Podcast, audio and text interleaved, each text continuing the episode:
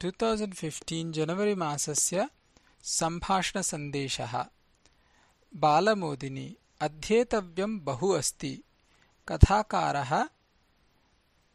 श्रीकररेड्डिः कश्चन तरुणः गुरोः सकाशात् धनुर्विद्याम् अधीत्य महत्कौशलम् प्राप्तवान् सहाध्यायिनः सुहृदः वा यस्य लक्ष्यस्य वेधनं सूचयेयुः तत् निर्दुष्टतया कृत्वा तेषाम् प्रशंसाम् प्राप्नोति स्म सः। अतः सुहृदः सहाध्यायिनश्च वदन्ति स्म त्वम् धनुर्विद्यया गुरुमपि अतिशेषे इति। एतस्य श्रवणात् सः तरुणः नितराम् सन्तुष्यति स्म। ततः तस्य अहङ्कारः अपि अवर्धत गुरुणा एतत् सर्वम् ज्ञातम् तथापि तेन किमपि न उक्तम् एकदा गुरुः ग्रामान्तरम् गन्तुम् उद्यतः सन् तम् तरुणम् अवदत् त्वम् मया सह आगच्छ इति। शिष्यः तरुणः गुरुम् अनुसृतवान्। मार्गे कश्चन गभीरः घातः दृष्टः। तस्य अतिक्रमणाय काचित् वृक्षशाखा एव सेतुरूपेण उपयुज्यते स्म। गुरुः ताम् शाखाम् आरुह्य मध्यभागम् गत्वा शिष्यम् अवदत् मया कीदृशस्य लक्ष्यस्य वेधनम् करणीयम् इति ततः एव वद इति। शिष्यः किञ्चिद्दूरे दृश्यमानम् वृक्षम् प्रदर्श्य तस्य वृक्षस्य उन्नतायाम् शाखायाम् विद्यमानम् फलम् पात्यताम् इति अवदत्।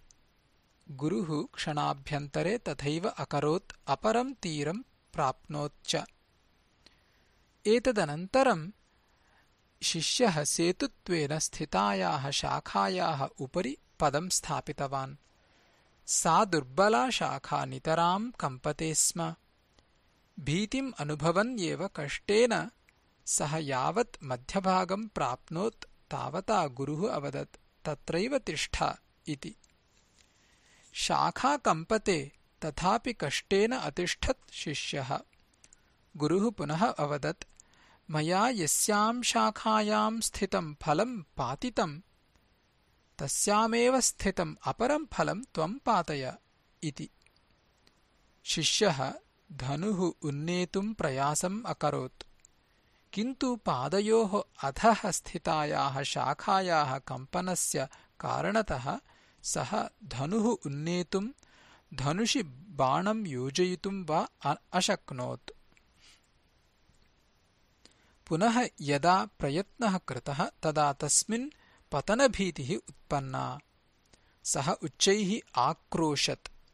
आचार्यवर्या एषोऽहम् पतामि कृपया अहम् रक्षणीयः भवता इति।